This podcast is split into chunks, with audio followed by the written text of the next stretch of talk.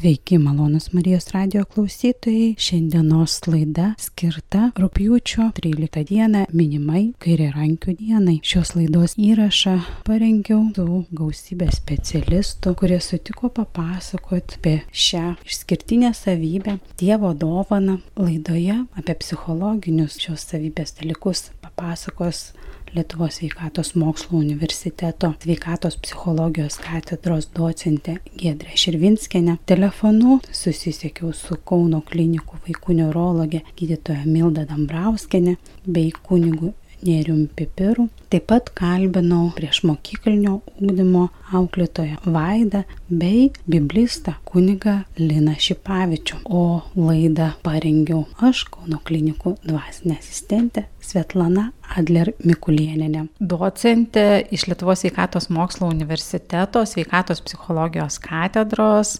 Gedrė Širvinskinė. Sveiki. Pradėkime nuo to, ką reiškia būti kairiarankiu ir koks yra paplitimas. Tai, na, skaičiuojama, kad apie 90 procentų žmonių populacijos yra dešiniarankiai. Ir tada kiti yra na, tie, kurių dešinė ranka nėra vyraujanti.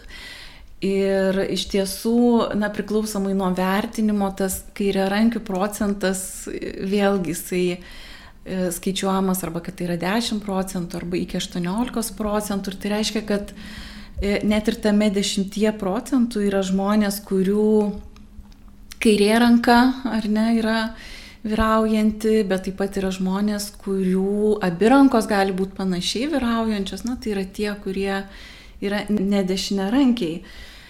Kairė rankių žmonių grupė vėl nėra homogeniška, tai nėra vienoda, nes tikrai skiriasi, kur jeigu viena ranka vyrauja ar abi panašiai, tai tikrai skiriasi na, ir ta savijauta, taip žmogus e, gali jaustis, ar patogi aplinka, ar įvairios pedagogikos srityje naudojamos priemonės, sakykime, rašymo e, ir panašiai, bet tai yra toks kaip patirties ir prigimties sąveikoje ką reiškia, ar ne, kaip e, klausėte, būti kairė rankiu, yra žinoma, kad, sakykime, smegenų veikla ir ne kitaip vyksta ir tai tikrai nėra e, taip paprasta to pakeisti ir, sakykime, visi suprantam, kad, na, aplinka yra labiau pritaikyta dešinė rankė. Taip pat ūkdymo sistema yra labiau pritaikyta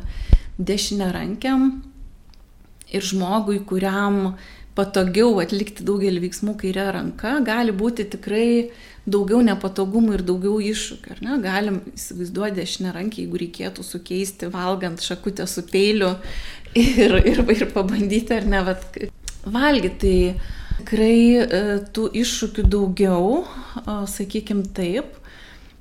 E, bet kita vertus vėlgi yra įvairių ir, ir mokslininkai bando palyginti, ar nesakykime, ir sveikatos rodiklius, ir yra tyrimai netgi, kurie atlyginimo dydį lygina kairė rankių ir dešinė rankių, tai tikrai yra įdomių tyrimų ir, na, sakykime, jų rezultatai nėra labai vienareikšmiai ir tikrai kažkokių tai labai drastiškų ir didelių skirtumų nėra, ne? nes, na, tai yra vienas tik tai iš, iš tokių žmogaus ypatumų. Bet kai kurie autoriai nurodo, kad e, dažniau šiek tiek kairė rankiai patiria traumas, e, kurių metu prireikia medicinės pagalbos. Mm, bet vėlgi yra ir, na, tokių ir tikrai diskusijų ir, ir galbūt kiti autoriai ir, ir nesutinka su tuo. Vėlgi kai kurie tyrimai rodo, kad kairė rankiai dažniau susiduria su depresija ir galim svarstyti, kad galbūt tikrai vat, tie sunkumai, su kuriais ar galime ar ne tam tikrų skirtumų aptikti, bet na, vis tik tai jie nėra kažkokie tai labai ypatingai dideli. Darybiniais laikais mes dar kas gyveno, atsimena, kad buvo bandymų perauklėti kairiarankius. Ir mm, turbūt tai nu, psichologiškai turėtų atsiliepti. E, turim šioje laidoje ir, ir vieną liūdėjimą, kad tikrai e, šitie dalykai labai paliečia asmenybės vystimasi. Ką galėtumėt pakomentuoti ir kada tarkim, tai baigėsi, gal turit kažkokių domenų. Mhm. Tai bet iš tiesų švietimas Sovietų sąjungoje tikrai, e, na ir, ir bendrai Sovietų sąjungos ta politika tokia atspindėjo kaip iliuzinį totalitarnės valdžios siekį pakeisti žmogaus prigimtį. Ir ta pedagogika rėmėsi tokiu požiūriu į žmogų kaip į tabulą rasą, kaip tušia lenta, į kaną jau neva mes prirašysim, ką norim ir buvo ar ne kūriamas toks naujas sovietinis žmogus, bet to pasako iš tikrųjų ypač švietimo sistemoje, tai daugelis vaikų tiesiog buvo traumuojami. Ir, ir tą galima pasakyti ne tik apie kairę rankius, turbūt apie visus, ar ne, kai buvo maksimaliai nu, slopinama vaiko saviraiška, galimybė pareikšti nuomonę, galimybė kurti, ar ne, nes, na, tai sistemai reikėjo paklusnių, nemastančių, nekūrybiškų žmonių. Ir a, aišku, vaikai, kurių na, vyraujanti ranka buvo kairė, šalia viso to susidūrė dar su vienu tokiu spaudimu ir draudimu, draudimu rašyti kairiai ranka ir spaudimu tiesiog naudoti dešinėje ranką. Na, tas vėlgi pasireiškia įvairiom priemonėm nuo iki, ar ne nuo galbūt tiesiog paliepimo ar pieštuko perkelimo iš kairės į dešinę ranką iki iš tiesų ir psichologinio smurto, ir fizinio smurto, ir, ir gėdinimo prieš klasę, ir švarimų iš klasės galėjo būti. Tai teko rasti e, Latvijoje atliktą tyrimą, e, kur buvo vat, būtent kairė rankiai, dabar jau na, be abejo e, saugia žmonės, kurie vat, tuo, tuo metu sovietiniai santvarkui mokėsi, tai vat, na, ir, ir tai yra tie duomenys, kad uh, iš tikrųjų va, tas, tas patirtas tiek psichologinis, tiek fizinis smurtas. Ir taip pat tie ir, ir tyrimo e, dalyviai e, taip pat kalbėjo apie tai, kad jie jautėsi nesaugus, kad jie jautė didelį nerimą, norą, norą protestuoti.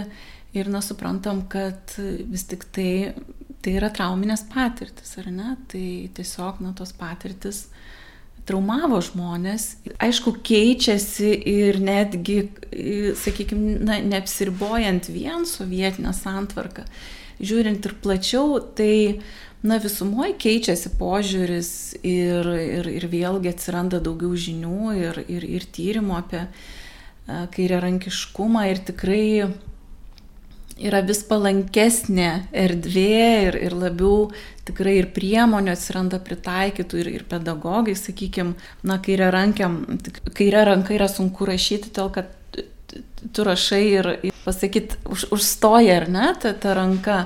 Tai vėlgi, na, pedagogai, sakykime, atsižvelgdami tai gali leisti pakreipti sąsvinę, ne, va, daugiau kai kairys sąsvinio kampas į viršų, kad, tiesiog būtų patogiau rašyti. Visą tai tikrai ir, ir gali prisidėti, vėlgi, jeigu mes atsižvelgiam, tai tikrai sumažėti sunkumų ir gali prisidėti prie sėkmės akademinės. Jeigu mes neatsižvelgiam ir vaikas turi naudoti priemonės, sakykime, ar ne, nepritaikytas specifiškai kairė rankiam, tai be abejo, kad gali nukentėti ir rezultatai, ir savivertė, vaiko, nes, na, vėlgi, vat vienas iš pavyzdžių, toks Amerikos šeimos terapeutas Sonkin pats, būdamas kairė rankiu, jisai pats taip rašo apie savo patirtį, sako, aš tik paaugęs supratau, kad pasaulis yra labiau pritaikytas dešinė rankiam.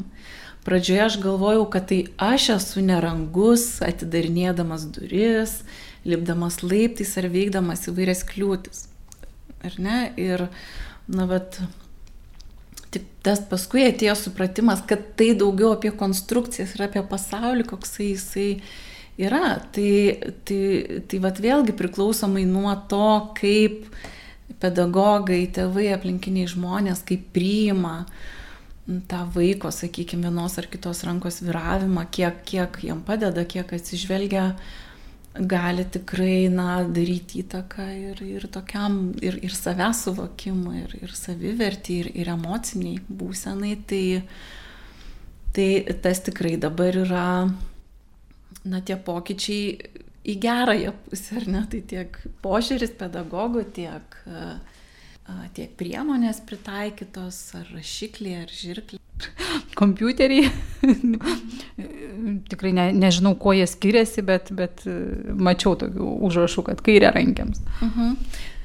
Taip, tai tikrai tai, tai svarbu, kad mes atsižvelgtume kiek, kiek įmanoma ir, ir, ir palengvintume, kad vaikas tada galėtų telkti dėmesį ne jie ar ne tokį fizinį prisitaikinimą prie jam nepatogių priemonių, bet tikrai, kad galėtų susitelkti į savo, sakykime, tą saviraišką, į savo talentų kažkokį tai realizavimą ir gebėjimų pas, pasireiškimą. Tai, tai vėlgi tas tokias kliūtis mes galim padėti jiem, jiem įveikti užakcentuokim, ką tėvai augindami, nu, tarkim, jie pas juos dominuoja dešinė ranka ir jeigu jie augina kairę rankį vaiką be priemonių, kaip jie gali padėti, patvirtinti ir nepakenkti ir nesumažinti tą savivertę, o kiek įmanoma pakelti. Bendrai, ką galima pasakyti visiems tėvam ir patarti, tai stebėti vaiką ir leisti jam būti savimi, ar ne? Vaikas pats iš savęs duoda mums labai svarbių žinių,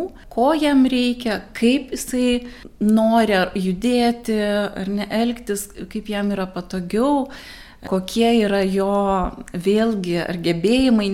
Lygiai tas pats ir čia tikrai būtų svarbu atsižvelgti, leisti vaikui pasirinkti. E, svarbiausia yra, kad neparodyti kažkaip, kad tai yra trūkumas. Nes jeigu mes liepsim vaikui griežtai kažkaip tai daryti tam tikrus veiksmus dešinę ranką, jam blogiau seksis ar ne, nu tai vėlgi bus tokia kaip nesėkmės patirtis ir tai atrodys, kad, na, tas kairiarankiškumas yra trūkumas. Tai anaip tol tai nėra trūkumas, na, tai yra unikalumas, ar ne, tai yra, vat, toksai bruožas, tokia savybė pažinti ir, sakyčiau, labai svarbu yra galbūt patiem tėvam kažkiek e, empatiškai pažiūrėti ar ne ir pabandyti, vad pajaust, ką vaikas patiria. Kaip ir sakiau, na, pabandykime sukeisti savo rankas. Patariama, vėlgi, kai vaikas mažas, kartais netgi atsitūpti jo lygį ir pažiūrėti, vad kaip viskas atrodo, ar ne jam.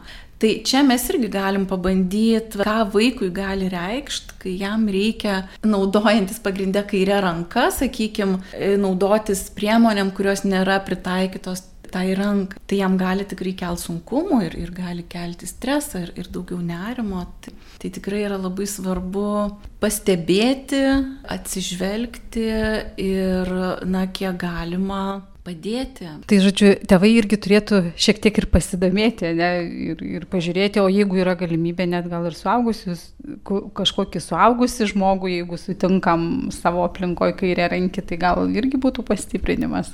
Iš tiesų taip, tai ir, ir patys tėvai, ar ne, jeigu jie vaikas yra kairė rankis, jie dešinė rankiai, bet na, turi pažįstamų rate kairę rankių, tai iš tiesų, na, kuo tėvai daugiau sužino apie va, tam tikrą specifiką, ar ne, tuo jie labiau gali atsižvelgti ir suprasti, nes kartais tikrai mes galim na, net nepagalvoti apie tam tikrus niuansus.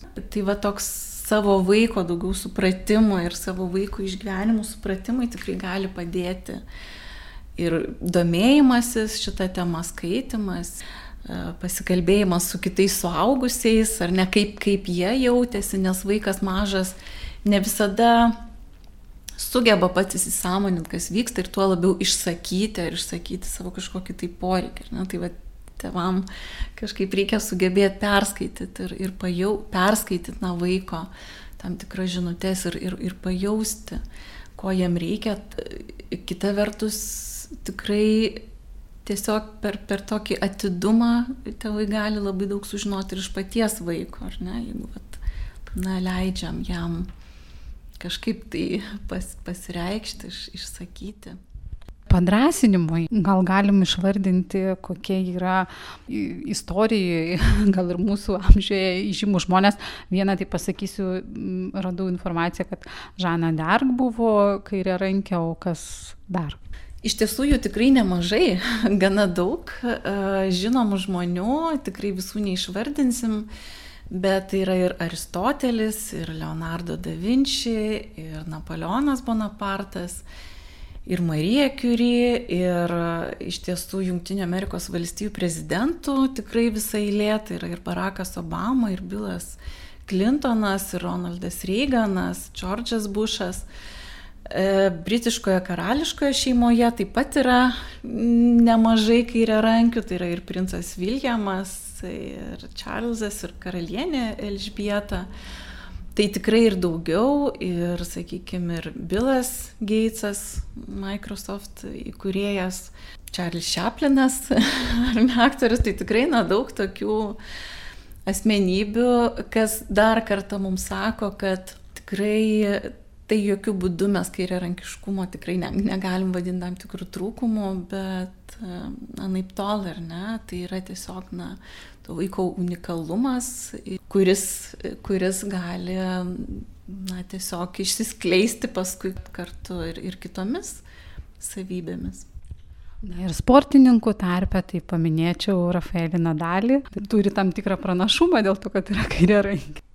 Iš tiesų tikrai tai dažnai sporto pasaulyje e, yra privalumas, e, nes žinoma, kad kairė ranka ir dešinys pusrutulis, na ta e, reakcija vyksta greičiau, kas, kas yra naudinga tikrai ir sportininkų taip pat pasaulyje, na galim tikrai ir, ir daugiau. Ne, neišvardinsim visų, bet jų tikrai yra. Ir Užduotis beje... klausytojams, sportininkus susirasti patys, kurie yra kairė. Mhm. Ir beje, vat, dar vienas toksai faktas, kaip kalbėjom apie Sovietų sąjungą, tai nepaisant to, kad tikrai buvo griežtai draudžiama naudotis kairę ranką, bet fizinio lavinimo tuo, tuo metu taip vadinamosi pamokose vis tik tai tai buvo leidžiama ir matyt buvo pastebėta, kad vis tik tai norint pasiekti gerų sporto rezultato, kas irgi tikrai buvo svarbu, kad vis tik tai, na, yra, tai gali būti privalumas naudojimasis kairė ranka ir tas nedraudimas kairė rankiams naudotis vyraujančią ranką. Na taip, jeigu tikėjasi, pavyzdžiui, boksą gauti iš dešinės, o gauni iš kairės. Na va. Arba spyrėse, ne, paprastai spyrė dešinę, o čia spyrė kairę ir ne tas kampas, tai taip, labai svarbu. Tai tokia linksma gaida ir baigsime e, šį pokalbį. Dėkoju Jums už įdomią informaciją ir padrasinimą. Mhm, Sudėjau. Yeah. Malonus Marijos radio klausytojai mums padės suprasti kairiarankių ir dešiniarankių skirtumus neurologinėme ligmenyje Kauno klinikų vaikų neurologė gydytoja Milda Dambrauskinė. Labadiena.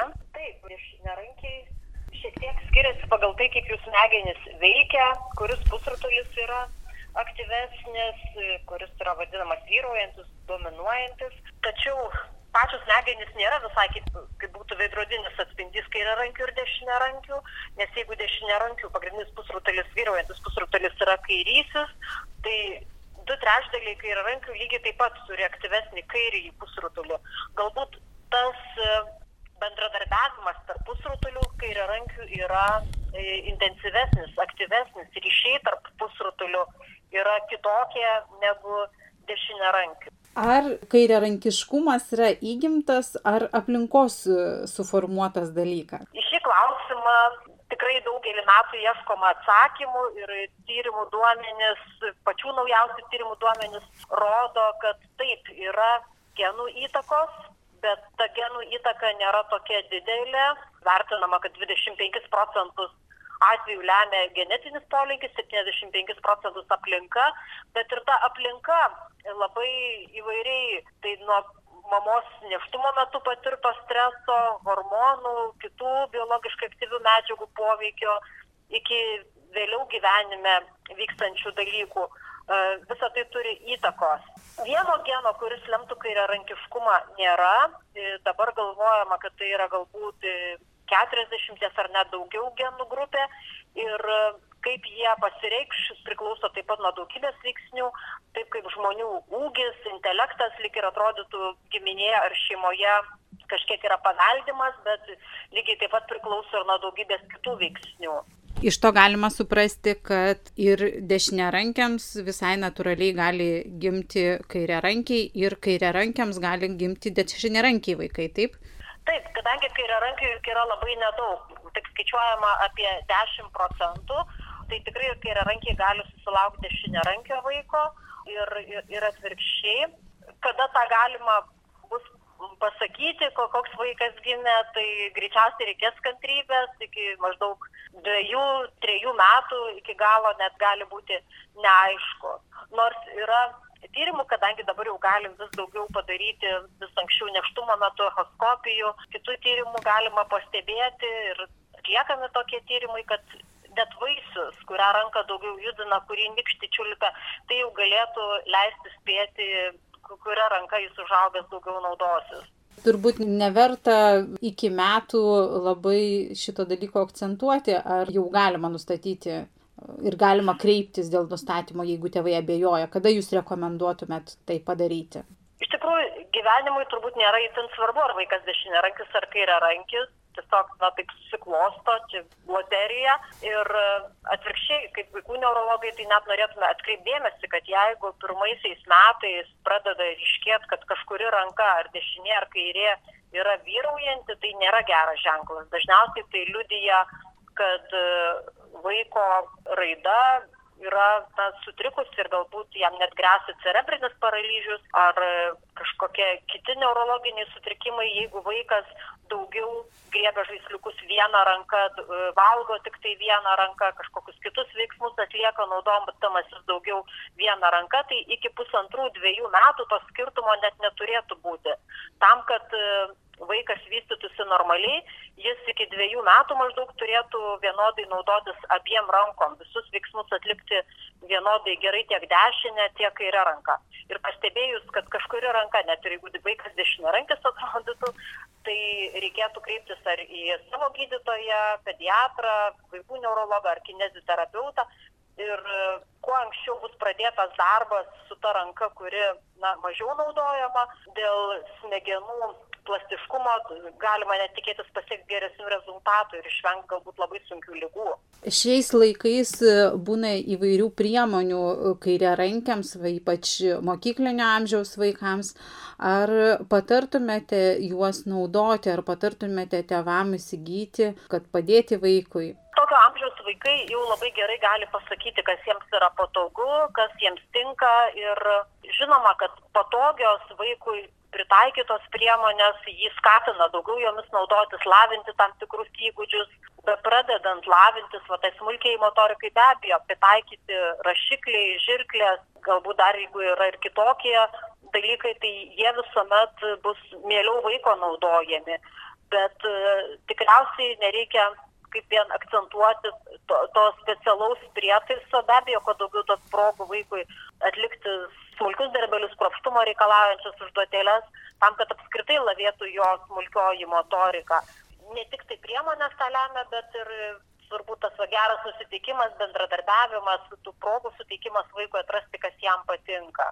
Dėkoju gydytojai, kad e, paaiškinot tikimės, kad tėveliai atsižvelgs ir per anksti nenustatinės kairė rankiškumo ar dešinė rankiškumo, daugiau padės vaikams. Tikrai, iš tikrųjų, linkiu džiaugtis vaikų, koks jis bebūtų šiais laikais, kai rankiškumas nebėra kažkoks trūkumas, tiesiog žmogaus ypatumas, tikrai neturėtų komplikuoti gyvenimo. Tai.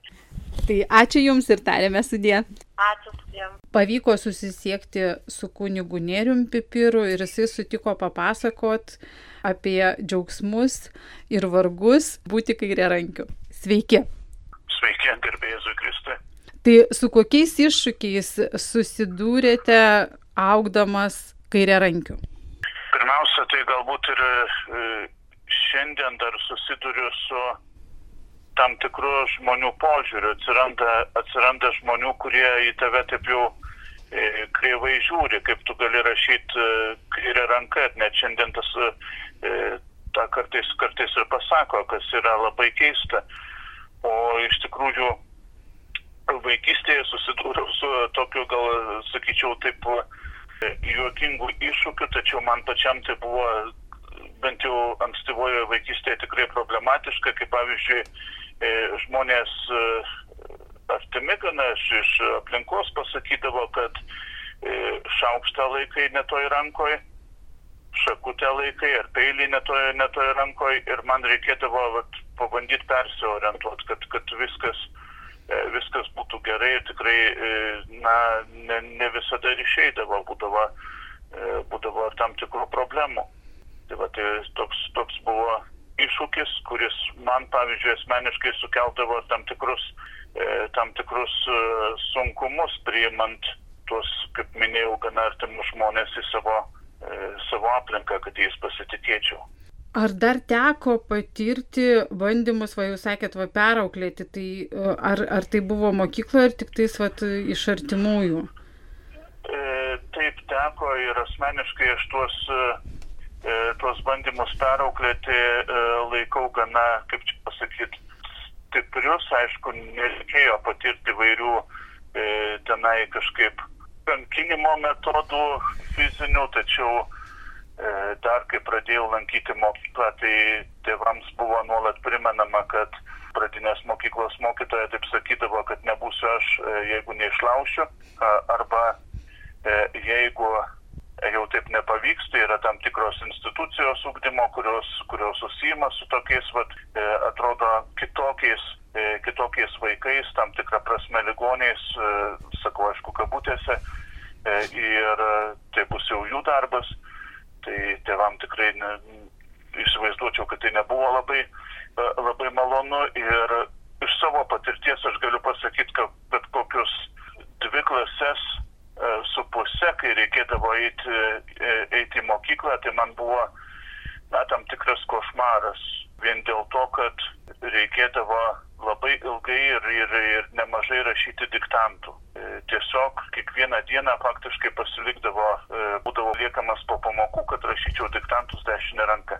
Ir jeigu klasiokam būdavo keturios pamokos, tai aš dažniausiai sėdėdavau po, po šešias, dar pusantros valandos rašyti rašyt diktantus. Ir tik tai tuo met, kai jau gydytojai pasakė, kad gal šito vaiko nevarginkim, nes čia nieko neišeis, tuomet buvo jau leista man rašyti kairę ranką, bet vis tiek po dviejų su pusę metų, tai tam tikras įdirbis ir to laužimo jautėsi. Taigi iš naujo trečios klasės maždaug vidury aš turėjau persimokyti raš, rašyti kairę ranką pats. Tai ta prasme, kiek jau buvo bandyta išlaužti iš kairę ranką dešinę rankį, tiek aš turėjau pasivyti ir išmokti vėlgi rašyti rašyt savo, kaip čia pasakyti, prigimtinę ranką, kairę ranką.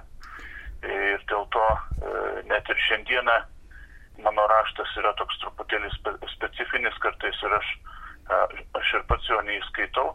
Ir prisimenu vidurinės mokyklos mokytoją 10-12 klasėje, kuris turbūt per kiekvieną pamoką vis taip jau sakydavo, kad rašai įdomiai, bet kad aš perskaityčiau, tai kiekvieną kartą reikės, reikia pasikoreguoti akinius. Tai, tai tikrai daug, daug ką pasako ir sakyčiau, kad tas mano, mano raštas yra vertimo rašyti, bandymo perlaužti iš kairę ranką, dešinę ranką pasiekmė.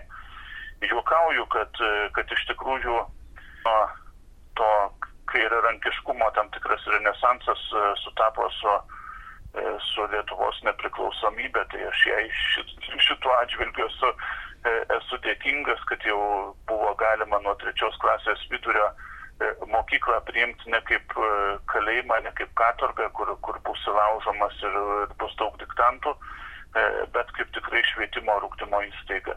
Ir iš tikrųjų, jeigu pirmoji, antroji ir iš dalies trečioji klasėje lietuvių kalba man buvo pats sudėtingiausias dalykas. Tai nuo trečios klasės vidurio mokytoja, kai, kai jau pradėjau pats rašyti dešinę ranką, kiekvieną kartą kokį nors rašinį skaitydavo prieš klasę. Tai buvo toks vat, labai aiškus persilaužimo ir išlaisvėjimo ženklas. Dėkoju už tokį atvirą pasidalinimą. Ačiū Jums, sudėjau. Sudėjau. Toliau apie kairiarankių integraciją ir pasirašymą mokykloje kalbinu prieš mokyklinio ūkdymo auklėtoją Vaidą. Labą dieną. Ir jūsų grupė šiemet buvo neįlynė, joje tikrai buvo daug tų ypatingų vaikų. Tai su kokiais iššūkiais susidūrėt? Šiais metais prieš mokyklinio augdymo grupę bitutės pas mus lankė net septyni kairiarankiai vaikai. Trys iš jų buvo mergaitės. Pagal statistiką iš tikrųjų daugiau kairiarankių yra berniukų. Pirmiausiai, ką pastebėjau, tai kairiarankiai vaikai yra labai emocionalūs, o mergaitės labai jautrios. Ir pats pagrindinis turbūt iššūkis, su kuriuo susidūriau dirbdama su kairiarankiais vaikais, tai rašiklio laikymas. Vaikai rašiklį laiko labai suspaudę ir įtemptai, o iš tikrųjų jį turime laikyti laisvai. Kai tu suspaudį, įsitempia tavo visi rankos raumenys ir e, būna labai prasta rankos akies koordinacija.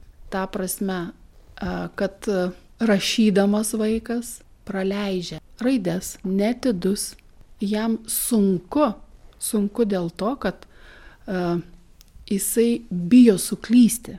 Kaip žinia, klysti yra žmoniška, tik iš klaidų reikia mokytis, bet uh, prieš mokyklinis amžius yra ypatingas tuo, kad vaikai labai nori būti pagirti, išgirsti ir čia netgi toks kaip ir šešiamečių meistriškumo amžius. Jie labai nori pajausti sėkmę. Visi.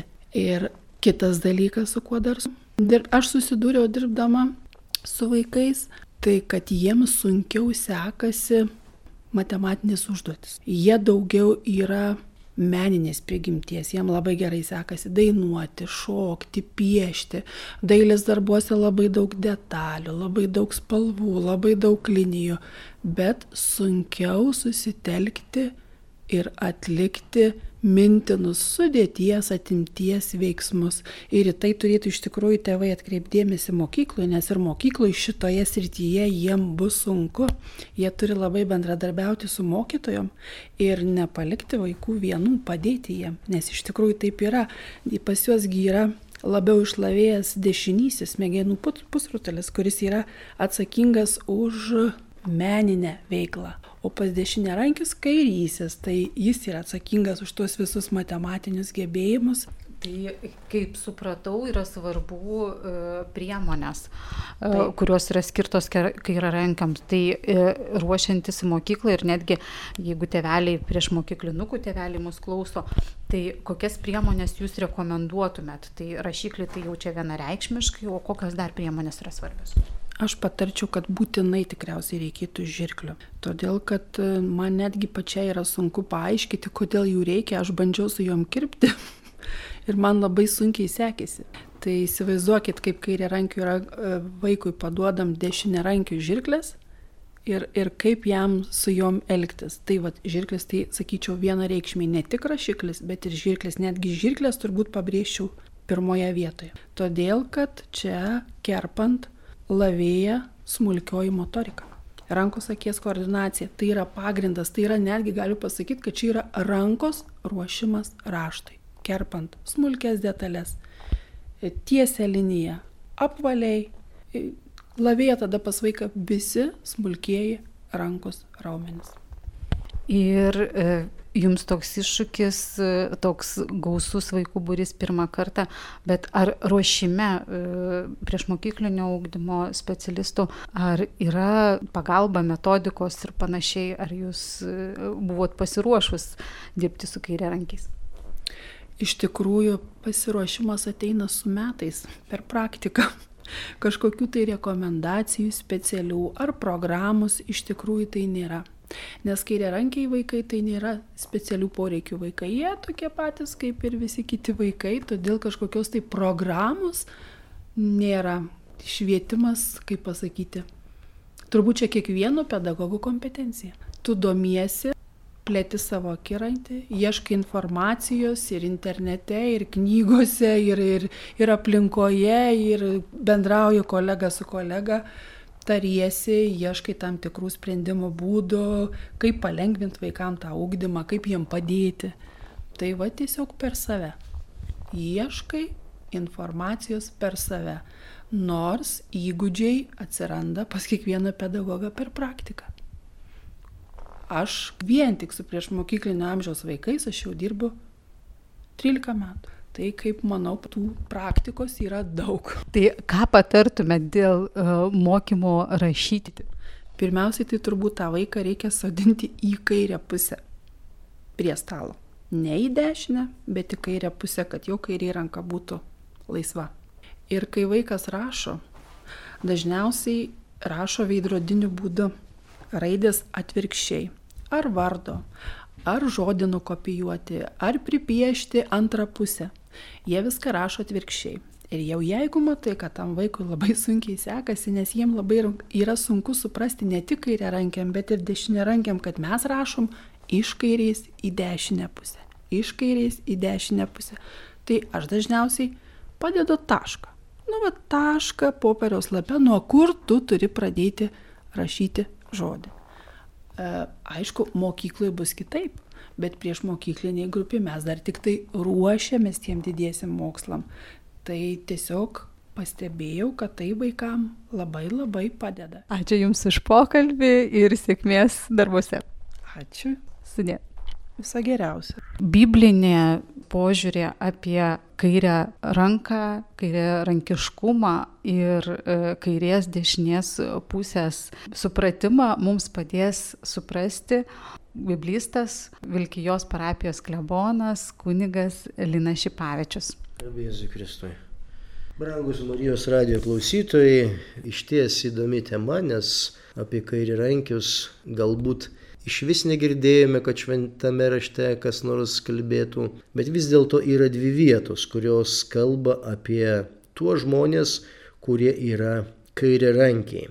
Ir pirmoji vieta yra Teisėjų knygoje, trečias skyrius 15 eilutė, kada Izraelio tauta neturi ilgą laiką teisėjo ir viešpats Dievas pažadina e, Ehudą, Gero sūnų Benjaminą, kuris yra kairirankis. Ir tame tekste taip pat kalba, kad ne tik tai jisai yra kairirankis, bet taip pat jisai yra ir jų gelbėtojas, išganytojas, kuris Izraelio tautą, na, gelbės iš priešų rankos.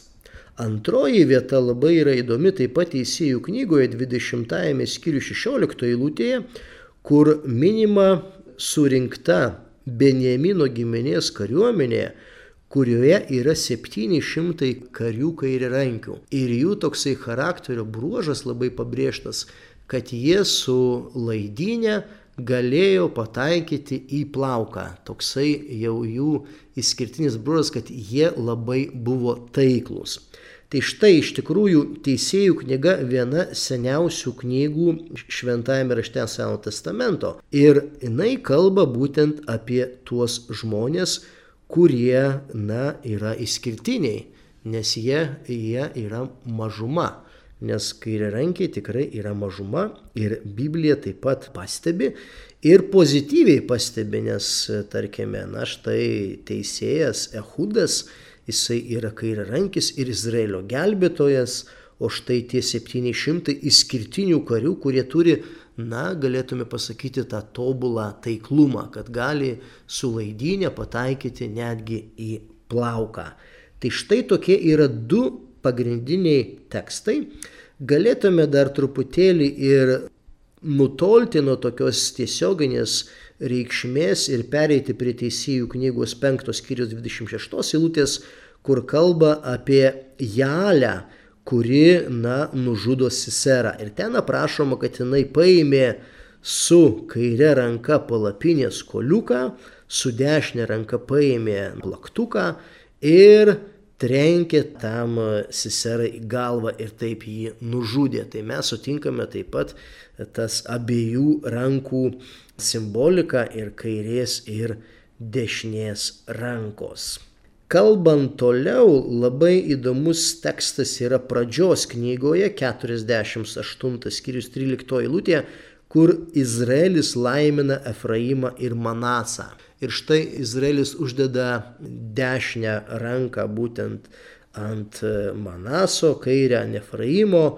Iš tikrųjų turėtų būti atvirkščiai, nes vienas yra vyresnis ir jis yra pirmagimis ir ant jo turėtų būti uždėta ta dešinioji ranka, bet Izraelis tarytum sukryžiuoja ir uždeda atvirkščiai ir jam tarytum pasako pastabą, kad ne tėvė, reikia kitaip uždėti rankas, bet sako, aš žinau, sakykime, Dievo tą valią ir iš to asmens iš tikrųjų, nors jisai ir jaunesnis, kils labai didelė tauta, skaitlinga tauta. Tai štai čia mes man matome, kad vis dėlto ta dešinioji ranka turi tokį pranašumą nes daugelis žmonių yra dešiniarankiai ir visa, visa ta pusė yra stipresnė ir dėl to palaiminimas ateina būtent iš tos dešinės pusės.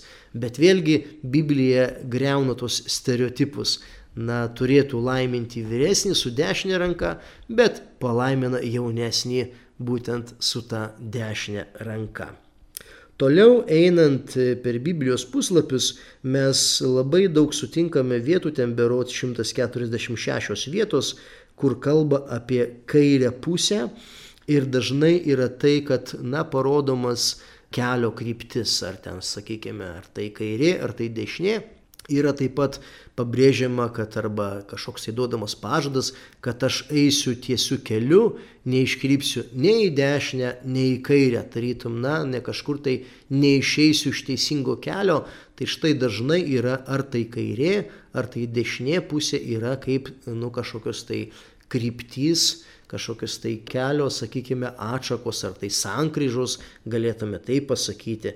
Tai tai yra iš tikrųjų vartojama tikrai nemažai šventajame rašte. Bet svarbiausios mūsų yra tos dvi vietos, kur parodo būtent, na, teisėją, kuris, kuris tuo laiku, na, vadovavo būtent visam Izraelio tautai. Tai galėtume mes pasakyti, kad kol karalių nebuvo, kol pranašų nebuvo, tai teisėjas užėmė tavo vietą. Tai jisai labai aukštas žmogus na, svarbus žmogus.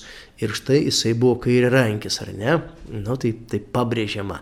Na ir paskui mes matome tuos karius, kurie, kurie turėjo, na, tobulą, perfek, tokį perfekcionistišką būtent taiklumą, kad galėjo, mes galėtum pasakyti, iš tos vaidyklės pataikyti, na, į plauką. Ačiū Jums už teigiamus atsakymus, nes jeigu uh, pasižiūrėsim istoriją, viduramžiais mes daugiau surasim neigiamų ir kartai žmonės irgi sako, kad tai ateina ir iš krikščioniškos tradicijos, iš Biblijos, bet matyt šito aiškaus nurodymo mes neturime. Ačiū Jums. Ačiū labai, geros dienos. Laidą baigiame o joje dalyvavo Lietuvos sveikatos mokslų universiteto sveikatos psichologijos katedros docentė Giedrė Širvinskienė, Kauno klinikų vaikų neurologė gydytoja Milda Dambrauskienė, kunigas Nerius Pipiras, priešmokyklinio ūkdymo auklėtoja Aida ir biblistas Vilkijos parapijos klebonas kunigas Linas Šipavičius. Juos visus kalbinau aš, Kauno klinikų dvasinė asistentė Svetlana Adler Mikulieninė.